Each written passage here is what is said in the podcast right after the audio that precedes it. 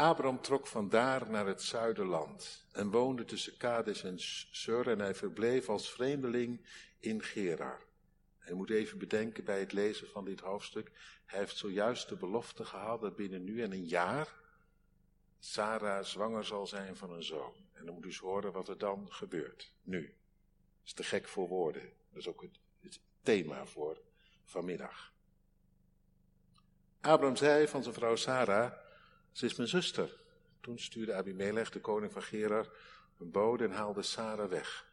Maar God kwam in een nachtelijke droom bij Abimelech en zei tegen hem, zie, u gaat sterven vanwege de vrouw die u genomen hebt, want zij is met een man getrouwd. Abimelech was echter nog niet tot haar genaderd. Daarom zei hij, heren, wilt u dan echt een onschuldig volk doden? Heeft hij mijzelf niet gezegd, ze is mijn zuster? En zij ook, zij, ook zij zelf heeft gezegd, hij is mijn broer. Met een oprecht hart en zuivere handen heb ik dit gedaan. God zei tegen hem in de droom, ik weet ook dat u dit met een oprecht hart gedaan hebt. Ik heb u ook ervan weerhouden tegen mij te zondigen. Daarom heb ik u niet toegelaten haar aan te raken. Nu dan, geef de vrouw van die man terug, want hij is een profeet. Hij zal voor u bidden, zodat u in leven blijft. Als u haar echter niet teruggeeft, weet dan dat u zeker zult sterven, u en al wat van u is. Toen stond Abimelech morgens vroeg op, riep al zijn dienaar en sprak ten aanhoren van hen al deze woorden. En die mannen werden zeer bevreesd. Abimelech riep Abraham en zei tegen hem, wat hebt u ons aangedaan? Waarin heb ik tegen u gezondigd dat u zo'n grote zonde over mij en mijn koninkrijk gebracht hebt? U hebt dingen met mij gedaan die niet gedaan mogen worden. Ook vroeg Abimelech aan Abraham, wat hebt u beoogd dat u dit gedaan hebt? Daarop zei Abraham, omdat ik dacht, er is vast geen vrezen gods in deze plaats. Daarom zullen zij mij omwille van mijn vrouw doden. Ze is ook echt mijn zuster. Ze is de dochter van mijn vader, maar niet de dochter van mijn moeder. En zij is mij tot vrouw geworden. En het gebeurde toen God mij ver het huis van mijn vader liet rondzwerven, dat ik tegen haar zei, dit is de goede tierenheid die jij mij moet bewijzen, in elke plaats waar we komen. Zeg daar van mij, hij is mijn broer. Toen nam Abimelech kleinvee, runderen, slaven en slavinnen en gaf die aan Abraham. Ook gaf hij hem zijn vrouw Sarah terug. Abimelech zei, zie, mijn land ligt voor u open. Ga maar wonen waar het in uw ogen goed is. En tegen Sarah zei hij, zie, ik heb uw broer duizend zilverstukken gegeven. Zie, laat dat mogen dienen. Als sluier voor de ogen, voor u en voor allen die bij u zijn. U bent vrijgepleit. Abraham, uh, en Abraham bad tot God. En God genas Abimelech, zijn vrouw en zijn slavinnen, zodat ze weer kinderen konden krijgen. Want de Heer had alle baarmoeders in het huis van Abimelech helemaal gesloten. Vanwege Sarah, de vrouw van Abraham.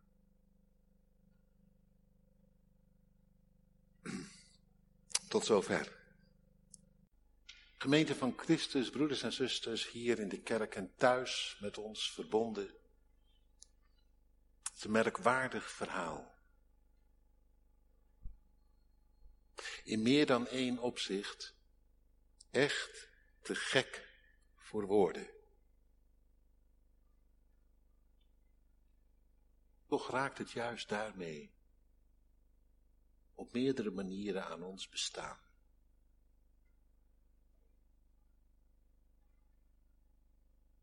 Zo onthutsend als het is en zo verrassend als het is. Zo beschamend als het is en zo genadig als het is. En ik hoop dat je dat op de een of andere manier gewaar zult worden. Of je thuis zit of hier. Wat betreft is de Bijbel natuurlijk ook een goud eerlijk boek, hè?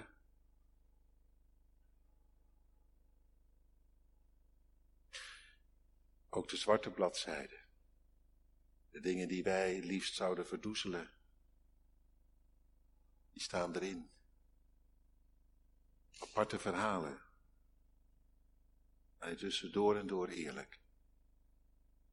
Te gek voor woorden, maar dat is het toch ook zomaar bij u, bij mij, bij jou, of nooit? Zeg het maar.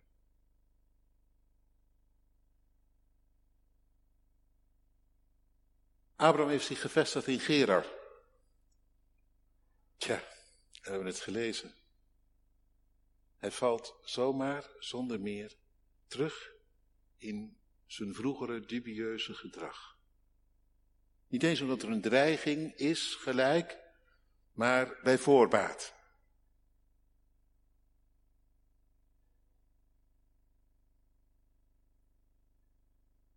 Op dezelfde manier als hij in Egypte had gedaan, liegt hij over Sarah. Ja, het is de waarheid, maar niet heus. Ze is mijn zus. Nee, Abraham, ze is je vrouw. Tuurlijk. ook ooit je halfzus. Dat klopt.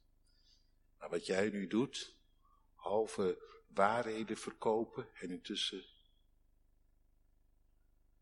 daar blijkt het geen hele leugen te zijn. Genadig had God hem er toen uitgered. Ja, dat ene woordje weet je nog wel?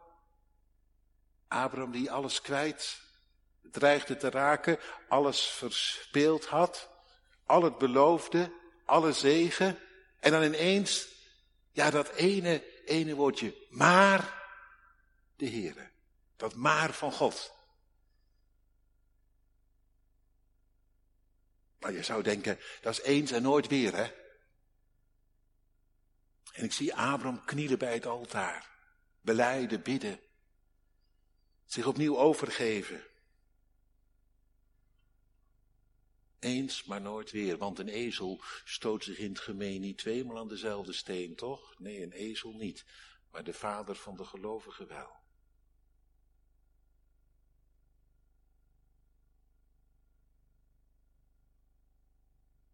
Opnieuw dezelfde zonde, hoe kan dat toch? Datzelfde gedrag, zo fout, zo verkeerd. En dat nota bene op dit moment. Nu, nu God zelf voorbijgekomen is. We hoorden ervan vorige week vanochtend. Hem opnieuw bij de hand heeft genomen. Er een hernieuwd over en weer is ontstaan. En daarbij de belofte. Die bij hem wat op de achtergrond was geraakt. Eigenlijk min of meer vergeten. God, God was erop teruggekomen. En, en het stond nu als een huis binnen een jaar.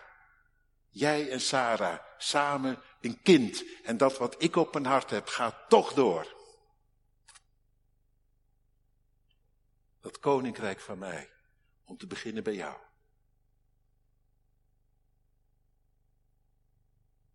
Dan deze move. Wil je het volgen? Waarmee dat beloofde opnieuw verspeeld, verkwanseld wordt. Zomaar, zonder meer, want dat begrijp je. Met wat hij Sarah eraan geeft, is het natuurlijk gedaan met die belofte. Met die zoon, met die zegen. Het is toch gewoon te gek voor woorden. Dat je het zover kunt laten komen, terwijl de Heere een en andermaal voorbij kwam. Dat kan toch niet bestaan, denk je dan? En uit wat die Abraham later opbiecht aan die Abimelech, aan die Abimelech, blijkt zelfs, hij zegt het gewoon alsof niks is, dat hij die leugen al die tijd achter de hand heeft gehouden, voor het geval het mis zou kunnen gaan. Afspraakje, samen met Sarah. Mocht het misgaan, uh, ik ben je broer, hè, en jij mijn zus. Zullen we dat afspreken? Wil jij zo goed zijn voor mij? Want schiet natuurlijk helemaal niet op als we uh, dan gaan zitten zeggen dat jij mijn vrouw bent, want dat kost mij de kop. Als iemand een oogje op jou heeft. Dus, nou, afgesproken. Blijkt het hier ook, uh, ook samen gezegd te hebben. Hij ze is mijn zus, zij, hij is mijn broer.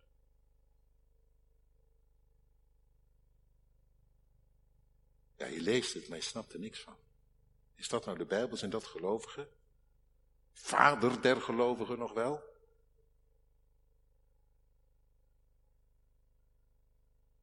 Ongelooflijk. Is God hem zo trouw geweest, komt deze aap uit de mouw. Je snapt er helemaal niks van, zeg ik nog een keer. Nou ja, niks. Snap je er echt niks van?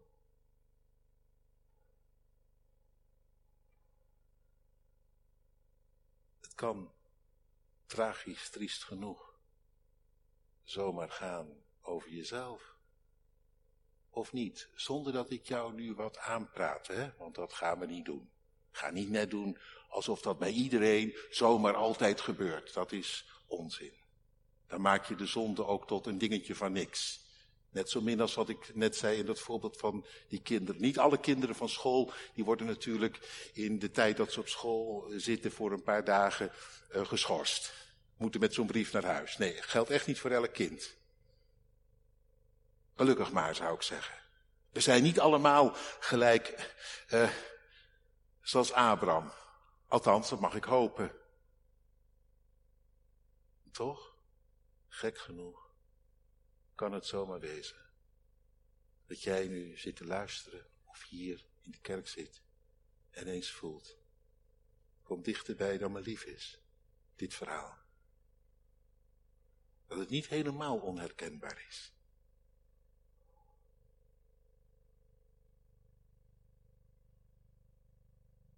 Je je aan het goede van God. Hij kwam voorbij. Misschien ook wel in de laatste weken, maanden. Hij deed jou goed. Hij herinnerde jou aan wat hij met je had en heeft en wat hij begon en waar hij op door wil. Dat mag ik hopen. Dat is wel mooi ook trouwens. Ik kreeg van de week van verschillende mensen in de reactie op mijn oproep van vorige week ook mails.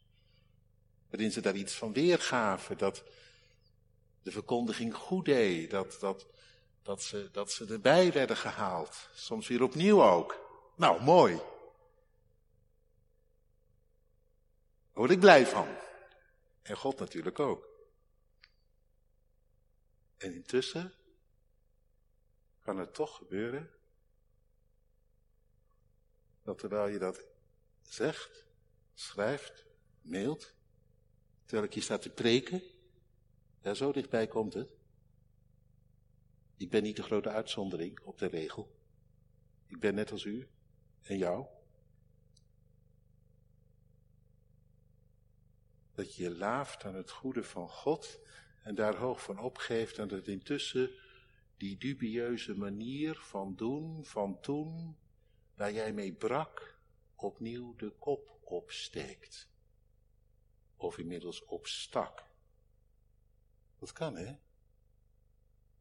Of niet? En je blijkt er nog net zo bedreven in als zoveel jaar terug.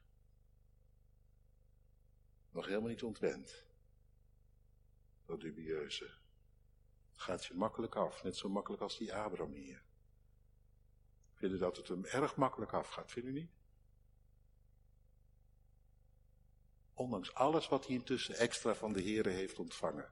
Toch. Dat is shocking hoor. Is het nou een bewijs dat het niet echt is? Nou, dat is natuurlijk dwaasheid. Want we weten allemaal, dat het geloof van Abraham was echt. Hè? Daar twijfelt niemand aan. Dat geloof is echt. En trouw, ik zou bijna zeggen, was het maar waar. Dat het zo eenvoudig lag. Als het niet echt is, komt het vanzelf aan het licht, want dan blijkt op een dag dat, je, dat alles ermee door kan. Ja, nou ja, dat is allemaal heel eenvoudig. Dat is gewoon recht toe, recht aan. 1 en 1 is 2. Hè? Maar zo is het niet. In de Bijbel niet hoor. In de Bijbel is het heel echt wat God met je begint. En dan, dan kan er toch iets gebeuren wat totaal niet te rijmen is. Daar compleet mee vloekt. Onverklaarbaar. Te gek voor woorden. Dat is de Bijbel. En dat is ook ons leven. En dat is enerzijds om te huilen natuurlijk, hè? dat het echt kan zijn en dat dit dan toch gebeuren kan. En anderzijds is het ook wel om te hopen. Want als je het nu herkent vanmiddag, dat je niet te gauw denkt, oh ja, nou ja, het zal bij mij wel niet echt zijn, want dan zou dit of dat nooit kunnen voorkomen in mijn leven. Denk dat nou niet te gauw, hè. Want zo echt het kan wezen, zo raar kan het lopen. Bij u, bij mij, bij ons allemaal. Dat vindt de troost die er ergens in zit. Hoe tragisch het ook is. Snap je? Is de Heer in ieder geval alles aan gelegen om, uh, om dit hele gebeuren een halt toe te roepen. Waarom? Waarom is de Heer daarom alles aan gelegen? Nou, er staat gewoon te veel op het spel. Zowel op de korte termijn, dat die Isaac daardoor niet geboren kan worden, dat begrijpt u.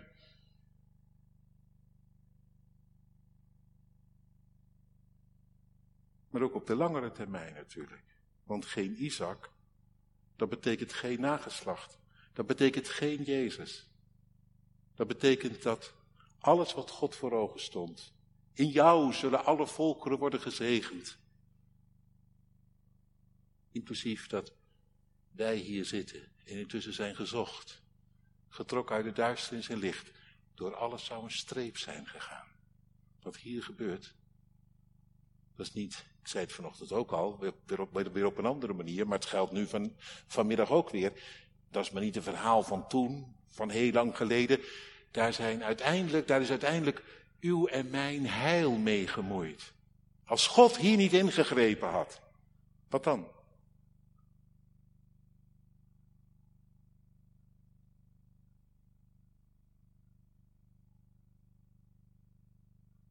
Zijn eigen zaak is in het geding.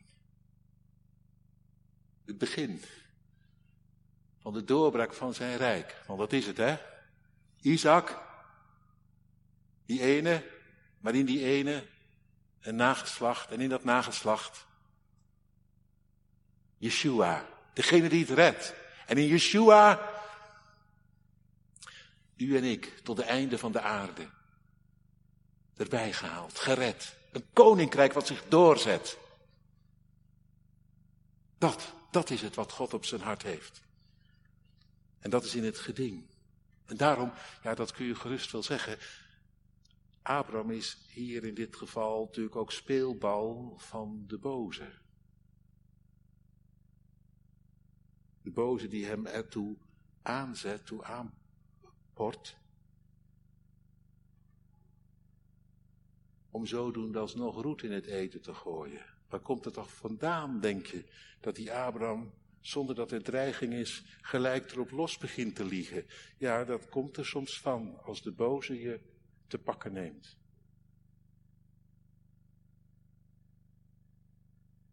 Dan ben je de boel aan het bedotten en beduvelen voordat je het weet. Om het maar eens even zo te zeggen. Dat gebeurt hier, hè. Want de boze, ja, die weet ook wat er gebeurt. Hè? De boze, dat is de grootste gelovige, weet u dat? Wij denken altijd dat de boze is alleen maar één stuk vijandschap. Nou, dat is die ook. Maar bedenk één ding. En Jacobus zei het, hè. De duivel gelooft ook. En er is degene die zo gelooft als de duivel. Die neemt God heel serieus. Die weet, als dit kind wordt geboren, dat is het begin van het einde voor mij. Dus hij zet alles op alles om alsnog roet in het eten te gooien. En dat zie je hier gebeuren. De boze. Ontzettend in de weer. En hij weet die Abraham, die vader van alle gelovigen, te pakken te nemen. De boze neemt God altijd serieus en anticipeert daarop. Maar dan, ja, vanuit die andere hoek, dat begrijpt u. Nou, dat zie je hier gebeuren. Te gek voor woorden, zei ik, maar ergens ook wel te begrijpen. Als je het vanuit het perspectief van de boze bekijkt. Het is nu of nooit voor de boze. En verdraait zeg, hij krijgt hem voor elkaar ook, hij krijgt die Abraham zomaar, zomaar mee in zijn plan, zijn spel, om de boel te verstoren. Nee, denk nou niet dat je daarmee alle schuld op de duivel kunt afschuiven, hè? Nou, de duivel, de duivel, zeggen de mensen dan. Nou, weet je wat Paulus zei? Daar heb jij zelf ook nog wat over te zeggen. Of de duivel jou te pakken neemt, ja of, of nee. Paulus zei heel eenvoudig, geef de duivel geen plaats, geen voet aan de grond. Wij doen altijd maar net alsof we het slachtoffer van de duivel zijn. Maar volgens de Bijbel kun je de boze weerstaan. Kun je zeggen, doorlopen jij. Dat kan.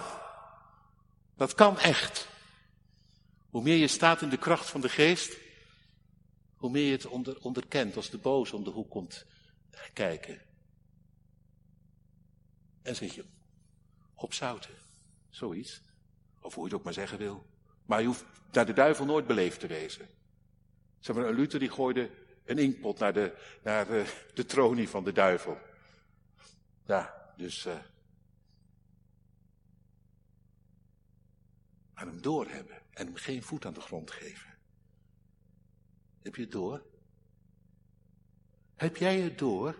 Heb ik het door? Heb jij het in de gaten waar de duivel bezig is zo een wicht te drijven tussen God en jouw hart, dat hij verstoort wat God in Christus met jou voor heeft. Dat is dan even de vraag voor nu, hè, voor vanmiddag. Heb je door? Wat heeft God dan met jou voor? Nou, dat jij al levend uit zijn liefde, dat hij dan door zijn geest zijn gang kan gaan in jouw bestaan, steeds meer. Heb je door waar de duivel roet in het eten aan het gooien is, een spaak in het wiel probeert te steken, een wicht drijft tussen God en jouw hart. Want hij weet, als hij jou bij Christus vandaan kan houden, weg uit zijn liefde, dan is de winst voor hem en het verlies voor de hemel. Ook in de komende week. En dan kun je misschien vorige week hoog van Gods lief hebben opgegeven en van de week gewoon er een zootje van maken.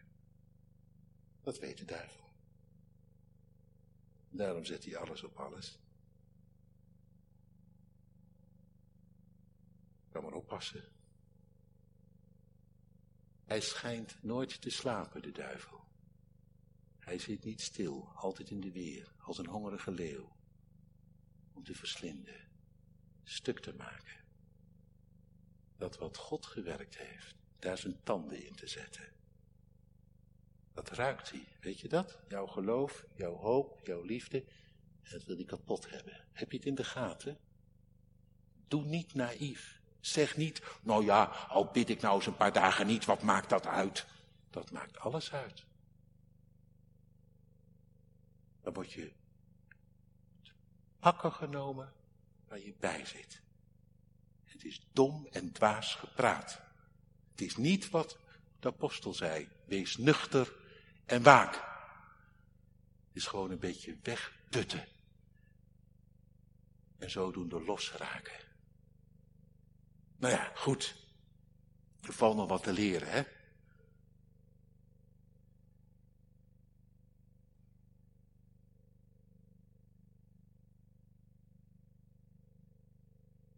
Weet u wat ik zo opvallend vond? Toen ik dit bedacht, toen moest ik denken aan wat Paulus ooit schreef aan de gemeente van Efeze. En dat waren moet je maar nalezen. Het waren mensen die waren verkoren en die waren verlost. En die waren verzegeld met de heilige geest. Gods geest woonde in hen. En dan staat in hoofdstuk 4. Wordt tegen die mensen gezegd, ik betuig dan in de Here. Ik vermaan u dat u niet langer wandelt als de andere heidenen. Ja, maar dat doe je toch niet als, als je toch verkoren, gered bent en de geest in je woont. Nou, dat doe je dus zomaar wel. Dat doe je dus zomaar wel. Dat u niet langer wandelt als de andere heidenen. Dat je opnieuw overgeeft aan de zinloosheid van je eigen denken. Dat je verduisterd raakt in het verstand. Dat het licht uitgaat wat God ontstak. Dat je vervreemdt van het leven dat uit God is en wat je in Christus ontving. Dat het gewoon zomaar verwatert Paulus, dat is tenminste een, eh, een man die niet uh, ja, vroom wegdroomt, maar die nuchter is en, en, en, en waakzaam en die zegt, lieve mensen, zo kan het je vergaan hoor. En hou het maar in de gaten. En geef de duivel geen plek. En bedroef de geest van God niet. Dat hij het veld moet, moet ruimen, omdat die andere geest het zeggen krijgt. We zongen niet voor niks voor aan het begin. Roep ons uit de doodse dalen, waar wij dwalen, door een vreemde stem bekoord. Je zit er zomaar in. Hè? Dus ja, Abrahams gedrag vroeg om rigoureus ingrijpen. Want Abimelech was zich van geen kwaad bewust en Abraham kwam nergens op terug.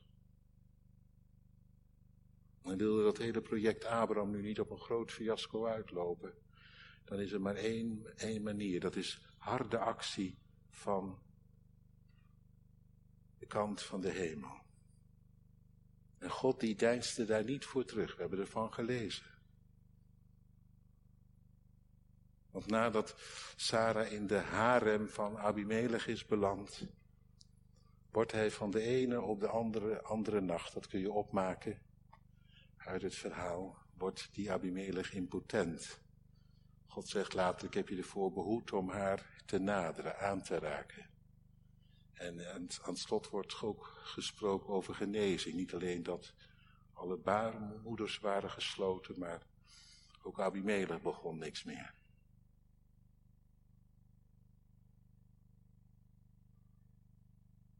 Nou, dat kwam hard aan voor zo'n man. Met zo'n harem. Impotent zijn. Dat voelde voor zo iemand toen in die wereld, in die cultuur, als een doodsteek.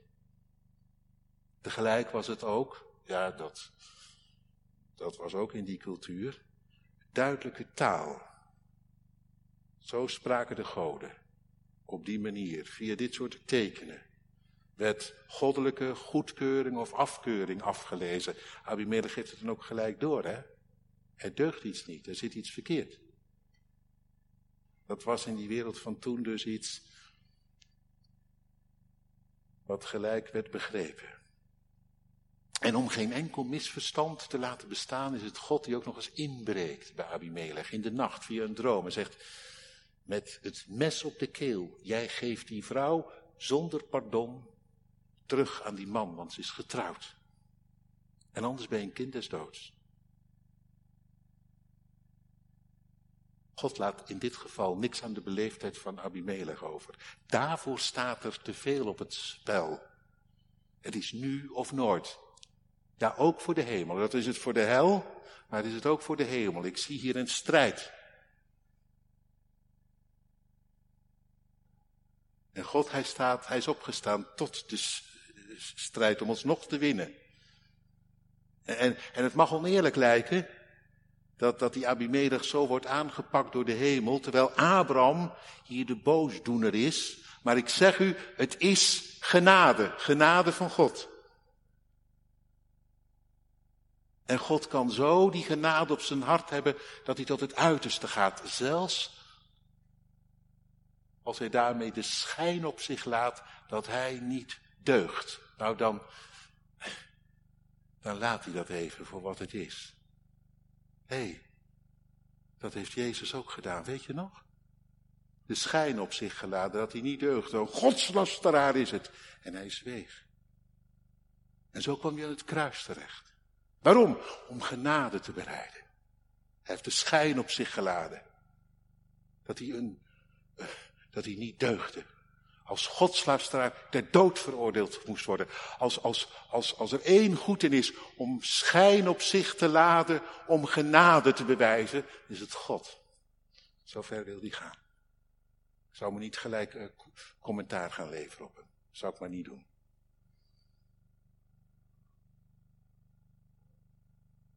En misschien herken jij de rigoureuze aanpak wel.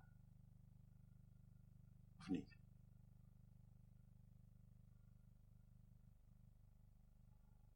Dat God ook jou met het mes op de keel soms een keer tot de orde riep. Voor een tegenslag of een ziekte. Je had al een en ander maal die stem vernomen, maar je gaf geen gehoor. Je dacht, ja, het zou eigenlijk anders moeten, maar ja. Toen ineens Toen kwam er een kink in de kabel. En door die kink in de kabel dacht je in eerste instantie natuurlijk, hoe heb ik het nou? Maar het zou zomaar kunnen dat God dan daardoorheen je wakker schudt. Als hij genade wil bewijzen, dan pakt hij je soms hardhandig aan, echt. Louis noemde dat de megafoon van God. Dan toetert hij in je oren, als de stille influistering niet helpt. Is niet fijn, nee. Wel heilzaam soms. En nodig ook. Dus het blijft natuurlijk wel lastig. Dat God die Abimelech wegzet als een kind des doods en hem laat boeten, terwijl Abraham dan wordt neergezet als een profeet die in gebed moet voor die Abimelech. Je stijgt. Ook dit, ook dit lijkt toch te gek voor woorden. Heer, hoe kan dat nou? En dat zegt die Abimelech ook. Hè? Hoe kan dat nou? Ik heb uh, te goede trouw gehandeld. Ze zeiden allebei. De een van, uh, het is mijn zus, de ander, het is mijn broer. Ik heb het echt niet geweten. Nee, zegt de Heer, dat weet ik ook. En daarom gaat Abraham voor jou bidden. Niet jij. Jij hoeft niet door de knieën. Dat is mooi, hè? Jij hoeft niet door de knieën, Abimelech. Want ik weet dat jij oprecht bent. Maar Abraham gaat voor jou door de knieën en bidden. Ja, niet omdat hij zo vroom is, maar omdat hij beter had moeten weten. Hij wist ook beter, hij is een profeet, hij weet van mij. Hij weet alles. Hij weet veel meer van mij dan jij. En hij is in gebreken gebleven en daarom gaat hij nu bidden. Vind ik wel mooi van God. Het lijkt even raar, maar ik vind het wel mooi. Klopt precies. Moet u intussen wel even opletten nog, dat het onbewust gedane kwaad niet wordt goedgepraat. Daar zijn wij altijd erg goed in. Ja, kon er niks aan doen, dus ja. Daar is God niet van. Zelfs het onbewuste kwaad vraagt om gebed, vergeving, verzoening. Weet je dat? En dat onbewuste kwaad, dat is veel groter dan het bewuste. Dat zeg ik ook maar even. Het is net soms als met een creditcard, weet je wel. Af en toe geef je iets, ja, natuurlijk een grote uitgave als je een creditcard hebt. En dan weet je, nou ja, daar wordt straks wel een flink bedrag afgeschreven. Maar als je nou die creditcard heel vaak gebruikt, hè, dan zijn het allemaal van die kleine bedragen. En dat heb je helemaal niet in de gaten. En dan blijkt het ineens zomaar honderden euro's te zijn aan het eind van de maand. Heb je dat wel eens gehad? Hoe kan dat nou? Nou, zo is het ook met onze schuld, met die onbewuste. Af en toe weten we natuurlijk waar, het is helemaal fout. Je hebt helemaal niet in de gaten hoeveel er aan schort. Hebt wel eens in de gaten gehad. Kijk, we zitten hier natuurlijk en ik sta hier en ja, ik zit daar ook niet elke dag uh, over in de war hoor. En dat hoeft ook niet. Maar daarmee is het natuurlijk nog niet allemaal opgelost, hè? al zitten wij er niet over in de war. Want wij denken zo'n beetje, nou ja, we hebben zo'n beetje rond en we hebben zo onze eigen manieren van doen. En dat is ook allemaal prima en daar ga ik ook allemaal niet op afgeven. Maar u voelt toch zelf ook wel aan dat als het gaat om de liefde die God zoekt. Nou, zomaar zonder erg hoop de schuld dan wel op hoor. Verbeeld je maar niks. Verbeeld je echt maar niks. Denk maar niet dat jij zo'n beste brave bent, dat God jou eigenlijk niks maken kan. Echt niet hoor. Onbewust is de schuld, ja, die loopt zomaar op. Maar weet je wat nou zo machtig is? Niet alleen dat er vergeving nodig is, maar dat er ook vergeving is. Jij wist er niet van, Abimelech. Abraham zal voor jou bidden. Jij hebt het onbewust gedaan. Abraham zal om vergeving vragen. En genade vinden. En voor u, weet je wat zo machtig is? Ja, je moet dit wel even tot je door laten dringen. Hè? Niet te makkelijk eroverheen praten. Over dat onbewuste tekort. Je zegt, dat heeft toch iedereen? Ja, dat heeft ook iedereen. Maar daarmee is het nog niet uh, zeg maar opgelost. Als iedereen schuld maakt op zijn creditcard, is daarmee de schuld nog niet betaald, toch? Of wel? Dus dat gepraat van dat heeft iedereen, dat schiet niet op. Zie het onder ogen. Maar weet één ding. In Christus is dat hele bestaan van jou. Ook in dat van mij. Neem niet alleen dat bewuste, dat ik zelf soms moeilijk kan vergeven en vergeten. Maar ook dat onbewuste, waar ik helemaal geen idee van heb. Mijn hele bestaan, van het vroegst begin tot de laatste snik, is met hem mee aan het kruis gegaan. En dat, dat is de reden waarom die Abraham hier bidden kan. Hij zal voor u bidden. Jij mag naast hem knielen. Je hoeft niet met je tekort de nacht in. Echt niet. Nee hoor, echt niet. Je kunt met je tekort vandaag nog terecht. En er is genade te over. ga naar een end. Het slot. Nog één ding. Dit. Zou jij iemand hebben? Hoe jij misschien in gebed moet? Omdat jij hem of haar kort hebt gedaan, schade hebt berokkend. Kijk, die Abimelech die komt met een schadevergoeding. Nou, dit is ongelooflijk. Die man die wil het echt goed maken. Daar we verder niet meer over hebben, maar het is echt ongelooflijk. Maar Abraham, die moet ook wat doen. En hij doet het. Gelukkig aan het eind, hij doet het. Voor Abimelech, in zijn hemd, op zijn knieën. Om te bidden. Voor die man en jij? Tegenover wie ben jij nalatig geweest? Wie heb jij tekort gedaan?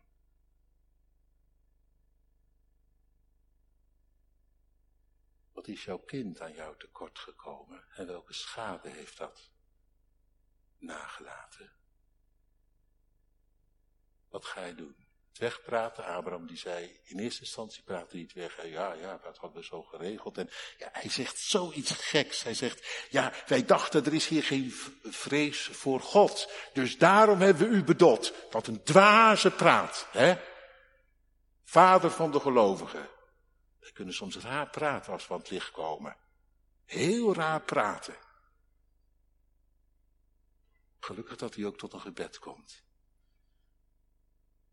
En jij? Ja, kan ik het helpen? Dat het met mijn kinderen zo loopt of is gelopen? Oh nee, dat zou kunnen. Dat je het echt niet helpen kunt. Dat je er altijd was met liefde, aandacht en gebed. Dat zou ook kunnen. Ja, ja, ik ga het niet invullen. Ik ga het voor niemand invullen. Maar is er nog iemand voor wie jij misschien vandaag op de knieën moet? Om genade van God. Voor hem, voor haar. Dat hij omziet en jouw schaar inhaalt. Amen.